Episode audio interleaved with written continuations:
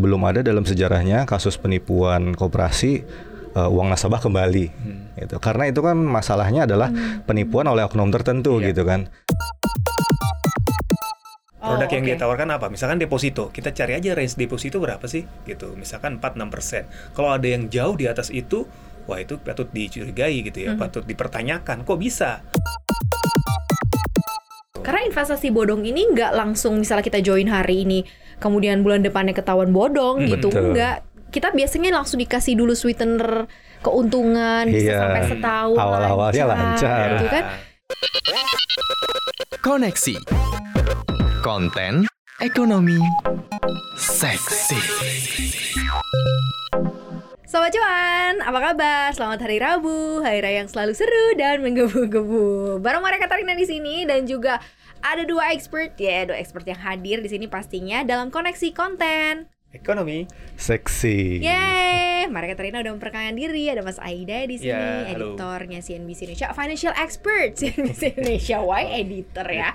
financial expert loh dan juga Mas Adam Iza favorit sobat cuan di seluruh Nusantara dari Sabang sampai Maroke. Eh, gila lo tuh juara banget. Jangan lupa follow ya Instagram dan TikToknya Adam Iza juga. Oke, okay, kita bahas sesuatu yang lagi rame, hmm. tapi yang bukan yang baru. Memang yeah. lagi rame, ramenya musiman ya, yeah. kayak musim durian gitu, hmm. atau kayak musim-musim buah-buahan. Nanti ada kalanya uh, hal ini tuh flat, nggak kedengeran, atau mungkin lagi cuan kali ya. Yeah. Pas rugi, langsung lah rame. rame. Kita ngomongin soal investasi bodong ya, sobat cuan. Belakangan ini banyak banget uh, artis-artis yang terkena investasi bodong dan kalau misal udah kena artis langsung blow upnya tuh lumayan cepet, cepet ya. betul. dan besar gitu hmm. uh, nilai nominalnya. Dan yang terakhir yang soal Indosuria ini juga gede ternyata sampai 2.300 Uh, 23 ribu nasabah ya 23 ribu nasabah. Total kerugiannya sampai berapa tuh? 105 triliun Indosuria kalau nggak salah 106 ya? 106 ya 106 triliun. Oke, kenapa lagi dan lagi dan selalu ada lagi? Hmm. Jadi entah entah dari zaman dulu deh dari modal eh, model uh, bisnisnya tuh kayak apa kayak investasinya tuh kayak apa first travel kita tahu kan yeah, ya? Iya.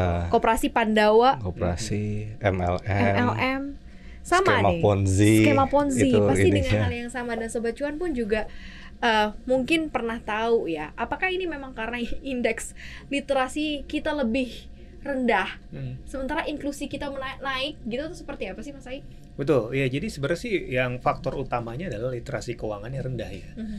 Jadi uh, sifat dasar manusia itu pengen cepat untung, pasti. itu udah pasti gitu ya, dengan cara yang instan, mm -hmm. cepat untung dengan cara instan gitu kan. Uh, ini menjadi suatu bumerang sebenarnya sih buat uh, semua orang ya. Mm. Nah makanya itu kenapa literasi keuangan itu penting. Gitu ya. Literasi ini adalah bekal untuk kita memilih suatu instrumen investasi yang baik dan benar gitu ya. Karena mm. Baik aja belum cukup gitu ya, tapi harus benar juga gitu. Intinya harus legal lah gitu ya. Once kita udah salah langkah itu susah banget keluarnya sih mm. gitu. Makanya memang di Indonesia itu kalau diperhatikan ya indeks inklusinya itu jauh lebih cepat berkembang gitu dibanding mm literasi. Nah, biasanya memang modus-modusnya itu umumnya adalah penawarannya dari orang-orang dekat tuh. Yeah. Jadi akhirnya dia nggak menelisik lebih jauh lah tentang mm -hmm. si mm-hmm. investasi ini mm -hmm. ya. Uh, banyak ya kayak contohnya kayak uh, kasus asuransi unit link yang banyak mm -hmm. masalah gitu kan ya. Biasanya kan penawarannya dari teman, kerabat gitu ya, temen, saudara. Jadi kita mau nolak juga nggak enak gitu. Yeah, Ada rasa gimana sih? Aduh, nggak enak juga bener, ya saudara bener. nih atau gimana. Biasanya tuh modus-modus agen asuransi banyak tuh yang kayak mm -hmm. gitu tuh ya termasuk yang kooperasi belakangan ini ternyata banyak juga yang nawarin itu dari istilahnya RM manager di banknya gitu ya atau orang-orang yang uh, teman-teman kantornya gitu yang dia tuh secara personal mungkin udah kenal dekat sama orang itu mm -hmm. jadi dia udah percaya tanpa dia telisik lebih jauh sebenarnya investasinya bener nggak sini gitu ya mm -hmm. nah itu sebenarnya sih ya itu harus tetap kita cari tahu ya itu apa pun itu investasinya uh, event yang sudah kayak proven misalkan saham aja kita harus cari tahu gitu benar, ya. Uh, benar, benar. Bener kan nih sahamnya bagus apa enggak gitu. Apalagi yang sifatnya memang uh, banyak yang meragukan gitu ya. Iya, iya, ya bukan iya, berarti iya. semua koperasi jelek sih ya, tapi betul, betul. Uh, paling nggak kita harus cek lah gitu. Karena investasi bodong ini nggak langsung misalnya kita join hari ini, kemudian bulan depannya ketahuan bodong hmm, gitu, betul. enggak. Kita biasanya langsung dikasih dulu sweetener keuntungan bisa iya. sampai setahun awal-awalnya lancar, gitu kan nggak pernah bisa terdeteksi gitu sampai akhirnya kita percaya lagi top up lagi itu kan hmm, kejadian hmm. juga cerita Kak Anya Dwinov juga kan Betul. kemarin bilang sampai dia ngerasa bahwa oh enjoy, hmm. uh, oke okay, ternyata uh, sesuai dengan ketentuan di awal, Betul. dia top up lagi, nah malah hmm. setelah dia top up malah yeah. ini semua gitu ya. Lo melihatnya seperti apa sih ini fenomena ini yang berkali-kali uh, muncul lagi muncul lagi? Fenomena ini mungkin lebih kepada masalah kinerja kali ya. Hmm. Itu mungkin yang pertama karena e, masalah ini tidak muncul langsung di awal ketika koperasi itu terbentuk mengumpulkan dana masyarakat terus langsung hilang kolaps gitu. Hmm. Anggap aja kayak penipuan gitu kan, hmm. ngumpulin uang terus kabur. Nah, eh, kasus-kasus yang ada sekarang itu sebenarnya uh, berjalan dulu seperti biasa, kinerjanya ada, ada bagi hasilnya, hmm. ada imbal hasilnya ketahuan berapa persen gitu hmm. kan.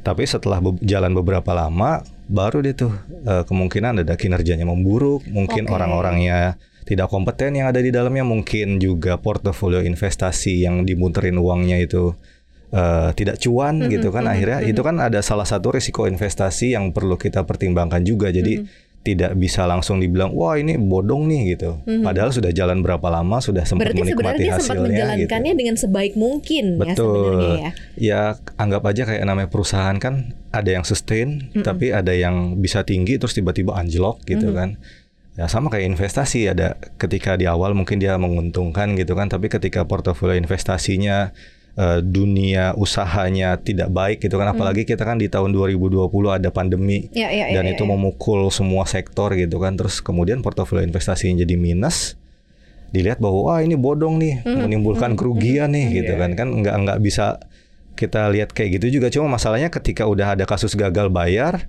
mereka tidak bisa beroperasi lagi, kelihatannya kayak bodong jadinya. Nah, gitu. Padahal sebenarnya mereka sempat menjalankan sempat sesuai berjalan, dengan ketentuan. Gitu. Cuman belakangan ini ada kendala, eh, kendala bisnis kendala gitu ya, bisnis. ya, kinerja dan lain-lain ya.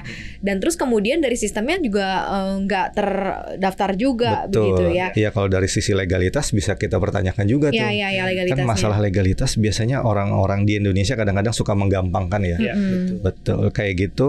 Jadi ya udah jalan-jalan aja udah punya klien gitu kan jalan-jalan masalah legalitas bisa mungkin dibilangnya lurus belakangan lah hmm, gitu. Yeah. Tapi kalau sih dari sistem koperasi ini memang yang paling gampang ya untuk dikopi ya Mas Ai ya. Yeah, Dan paling gampang hmm. mudah untuk dipercaya orang ya. Oh yang kayak gitu. Jadi karena orang kan biasanya nggak mau ribet untuk melihat gimana cara transaksi kalau kita ngejelasin misalnya yeah. kalau di saham tuh begini nanti kamu beli ada ini ntar kamu di uh, aman-aman uangnya karena ada kese nanti ada ini nggak nggak mau rupanya yeah. orang ya untuk yeah. dengerin itu yeah, ya. karena koperasi itu kan dulu awalnya terbentuk itu adalah untuk membantu rakyat. Makanya dia hmm. selalu berada dekat dengan rakyat gitu ya, hmm. dekat hmm. dengan kita gitu di sekitar kita ada gitu ya.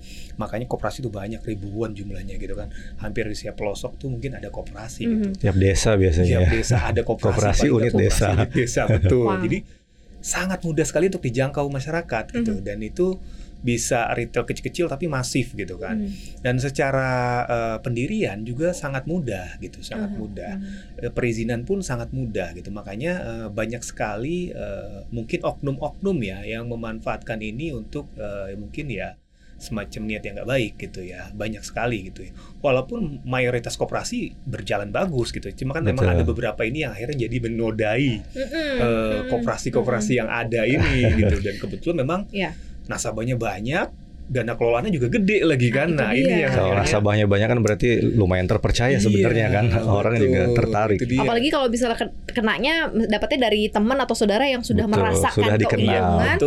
Ya kan itu adalah Kita mau ikutan yang paling juga. Okay. Iya, marketing yang paling oke kan mulut ke iya, mulut iya, ya kan betul, dan itu yang betul, paling betul, berhasil. Betul. Nah, kemudian kita coba uh, melihat kejeroannya yang hmm. ketika bahwa sistem ini kemudian menjanjikan returns yang tinggi bahkan di atas dari deposito hmm. gitu ya di atas inflasi gitu. Yeah. Nah ini seperti apa sih kalau kita mengingat hmm. bahwa memang ada sistem serupa yang juga sukses kan ini susah ya screeningnya bagi kita hmm. mengetahui bahwa benar nggak sih ini uh, apa namanya iya. nggak yeah. legal nggak apa ini ilegal gitu hmm. atau ini bodong. Uh, kita harus pisahkan dulu ya secara legalitas mungkin dia terdaftar sebagai koperasi gitu. Iya. Dia Tapi punya nakal, gitu, legalitas gitu, gitu ya. Tapi ya mungkin secara penjual produk tuh ada istilah mis-selling gitu ya. Hmm.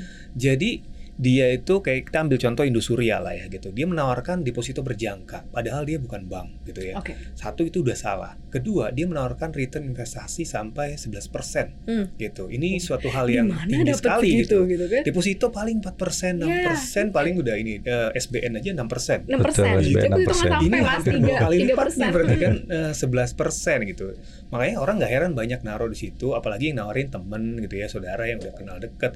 Ya dia mungkin tergiur lah siapa siapa yang nggak tergiur gitu kan mm-hmm. oh setahun 11 persen kalau kita taruh 10 m aja berapa makanya banyak yang naruh mm an kan betul, kayak betul, gitu betul. cuman ya itu Uh, prinsip dasar investasi ya high risk high return gitu ya. Betul. Yeah. Jadi jarang yang high risk low return iya. jarang. Bisa lu Kalau ada mau gue. Gitu kan, ya. Gak mungkin ya istilahnya imbal hasilnya itu pun masih potensi ya. Potensi Betul. gede, resikonya nggak nggak gede, pasti gede gitu. Nah itu dan apalagi dia berani menjanjikan Hmm. sebelas persen pasti setahun. Nah ini yang salah sebenarnya sih. Namanya investasi itu nggak boleh menjanjikan kan ya. Hmm. Berarti ada patokan uh, returns nggak yang bisa kita jadiin patokan? Hmm. Apakah ya lo patokannya inflasi aja deh gitu. Hmm. Kalau dia berani janjiin di atas inflasi ya mungkin lo harus cek dulu hmm. nih uh, dalamnya apa gitu. Atau sebenarnya patokan simpelnya adalah sesuai produknya aja. Produk oh, yang okay. dia tawarkan apa? Misalkan deposito. Kita cari aja range deposito berapa sih gitu. Misalkan 4-6 persen. Kalau ada yang jauh di atas itu wah itu patut dicurigai gitu ya, -hmm. patut dipertanyakan. Kok bisa? Kan ini deposito loh underlyingnya lu mungkin taruhnya di bank -hmm. atau mungkin di obligasi atau apa kok lu bisa nawarin segini gede gitu mm -hmm. returnnya ini ada, ada apa nih kayak gitu itu itu udah pasti harus dicurigai lah gitu ya uh, obligasi misalkan 6 sampai 8 persen kalau ada yang dua kali lipat dari itu itu juga patut dicurigai jadi sebenarnya kita uh, bisa patokan dari situ aja gitu ya. Mm -hmm. saham aja kalau kita benchmarknya IHSG ya rata-rata mungkin 16% sampai 18% per tahun. Yeah. Memang gede gitu, tapi itu pun nggak selalu achieve gitu ya. Mm -hmm. Dan itu mungkin saham-saham yang blue chip aja gitu ya. Kalau yang yang lain-lain mungkin yang gorengan gitu nggak bisa gitu. Jadi kita benchmarking sama produk sejenis aja gitu. Mm -hmm. Kalau misalkan dirasa ternyata spreadnya terlalu lebar, ya itu patut dicurigai sih. Mm-hmm. gitu mm-hmm. karena nggak mungkin kita misalkan kita investasi itu kan pasti kita namanya institusi itu kita menginvestasikan lagi uangnya yeah, kan yeah, yeah. nah kalau misalkan ternyata underlyingnya atau uh, instrumen investasi yang gak jelas juga kita uh, bingung juga itu ke mana hmm. dia cari hmm. uh, buat bayar bunga kita hmm. gitu ya atau imbal hasil kita jangan-jangan ya itu tadi skema ponzi. Iya iya iya. Ya. Uh, Gali lubang tutup lubang. Lagi. Benar, akhirnya benar. itu seperti Mas Adam bilang lama-lama kan akhirnya macet kan. Ya, gitu. Macet.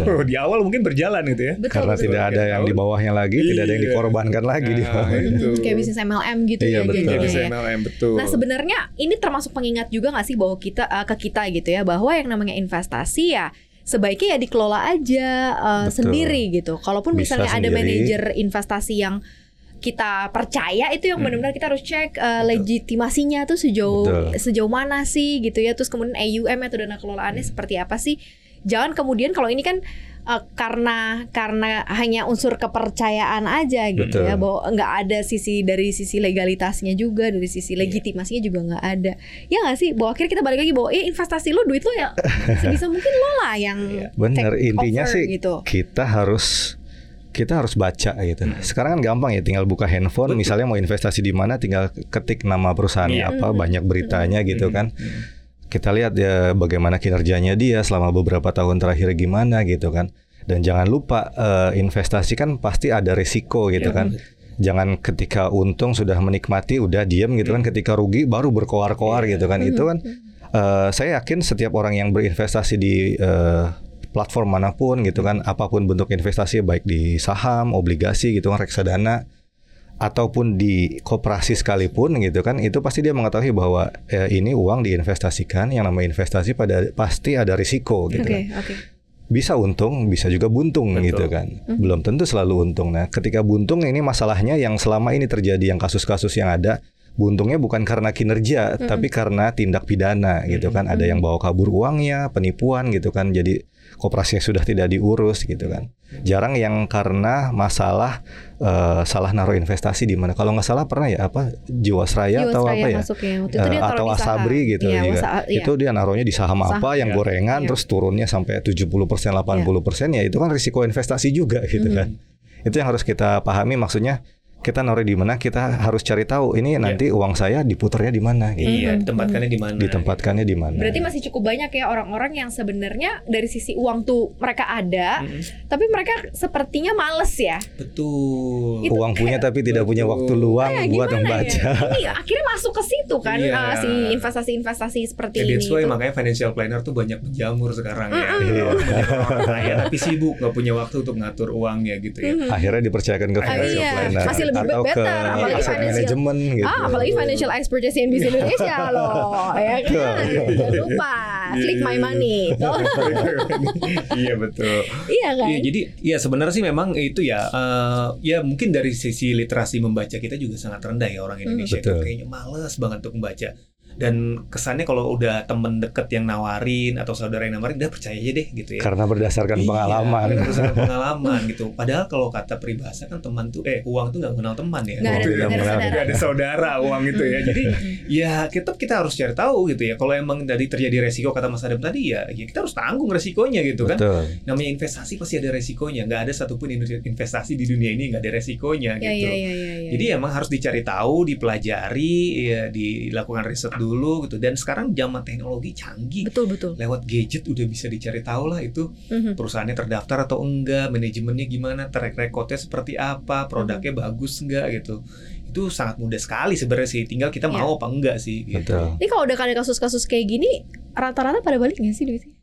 Yang udah lewat-lewat yang udah lewat-lewat sih balik tidak ya? ada yang kembali 100% sih saya ingat saya Iya. Bahkan terakhir nih uh, di kasus Indosuria ataupun yang baru ini Koperasi Sejahtera Bersama ya kalau nggak hmm, salah. Hmm. Kementerian Koperasi UKM itu belum lama ngomong katanya, belum ada dalam sejarahnya kasus penipuan koperasi uh, uang nasabah kembali. Hmm. Gitu. Karena itu kan masalahnya adalah hmm. penipuan oleh oknum tertentu iya. gitu kan walaupun itu risiko investasi investasi yang sudah turun pun belum tentu bisa kembali ke seperti semula gitu kan mm-hmm. itu di situ sih yang dua hal yang tidak yang tidak bisa membuat uang nasabah kembali karena risiko investasi itu sendiri mm-hmm. karena masalah uh, oknum penipunya itu gitu kan uangnya bisa udah ke mana gitu. Iya, udah dibawa Jadi, kabur lah gitu. Dibawa kabur.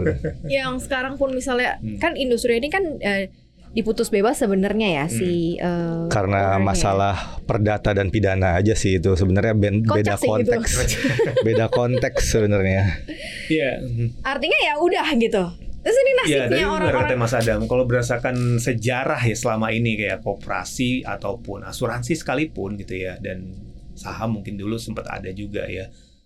Kayaknya hampir nggak mungkin balik sih. Kalaupun balik, paling jalan satu-satunya adalah dari sita aset itu. Sita aset, aset jual aset. Itu pun nggak seberapa itu, pasti. Karena kan nasabahnya sangat banyak gitu. Jadi Betul. kalaupun balik paling sekian persennya aja sih gitu. Mm -hmm ya terima nasib aja kalau udah kayak gitu susah. Gitu. Anggap aja kita naruh uang satu juta terus ada risiko investasi, investasinya iya. turun sampai 80 hmm. persen berarti tinggal dua ratus ribu. Iya. Di cut loss gitu, gitu kan. Cut loss. Betul. Padahal sebenarnya kalau misalnya kita masih yakin bahwa potensinya akan naik ya masih potensial loss gitu. Kalau ya. di saham iya, kalau, ini, masalahnya ini bukan saham. iya. kalau ini loss gitu. Benar-benar loss. Uangnya kita nggak tahu ke mana. Uangnya tidak tahu Itu ke mana. Dia. Mudah-mudahan sih sebenarnya yang pakai ya uang dingin semua ya, jadi iya, tidak mengganggu kestabilan pengelolaan keuangan. Nah sekarang screening awal deh. Mungkin ini udah sering banget kita juga mm -hmm. omongin mm -hmm. supaya kalian itu aware bahwa ini bodong atau tidak. Kalau ditawarin investasi tertentu Mas mm -hmm. Ai, ada nggak patokannya screening awalnya sebelum ya, akhirnya benar-benar join? Pasti kita cek dulu ya institusinya ya, dia terdaftar nggak gitu ya, ada regulator yang mengawasi nggak gitu ya. Kayak tadi koperasi misalkan ternyata ya saya juga baru tahu ya ternyata di undang-undang koperasi itu kata Menteri Koperasi ada celah gitu. Jadi Kementerian Koperasi pun dia nggak bisa mengawasi secara penuh hmm. uh, si koperasi ini. Ini kan celah yang sangat berbahaya gitu yeah, gitu yeah, kan. Yeah. Nah, makanya kita harus tahu gitu ya uh, perusahaan ini terdaftar nggak, ada yang mengawasi nggak gitu ya. Hmm. Kalau nggak ada yang mengawasi lebih jangan deh gitu karena hmm. resikonya ya kalau dia benar gitu ya, kalau dia nggak benar gimana gitu. Tuh yang kedua yang harus kita cari tahu adalah uh, imbal hasilnya dan resikonya tentu ya. Kalau masih make sense ya oke okay lah gitu ya. Tapi hmm. kalau terlalu uh, spreadnya terlalu jauh, terlalu bombastis, lebih baik hindari karena biasanya memang penawaran investasi yang keuntungannya terlalu bombastis itu ujung-ujungnya pasti bodong yeah, gitu yeah. atau skema ponzi dan lain sebagainya gitu ya yang ketiga mungkin kita harus cari tahu seperti kata Mas Adam bilang uang kita tuh diinvestasikan lagi ke mana sih gitu mm -hmm.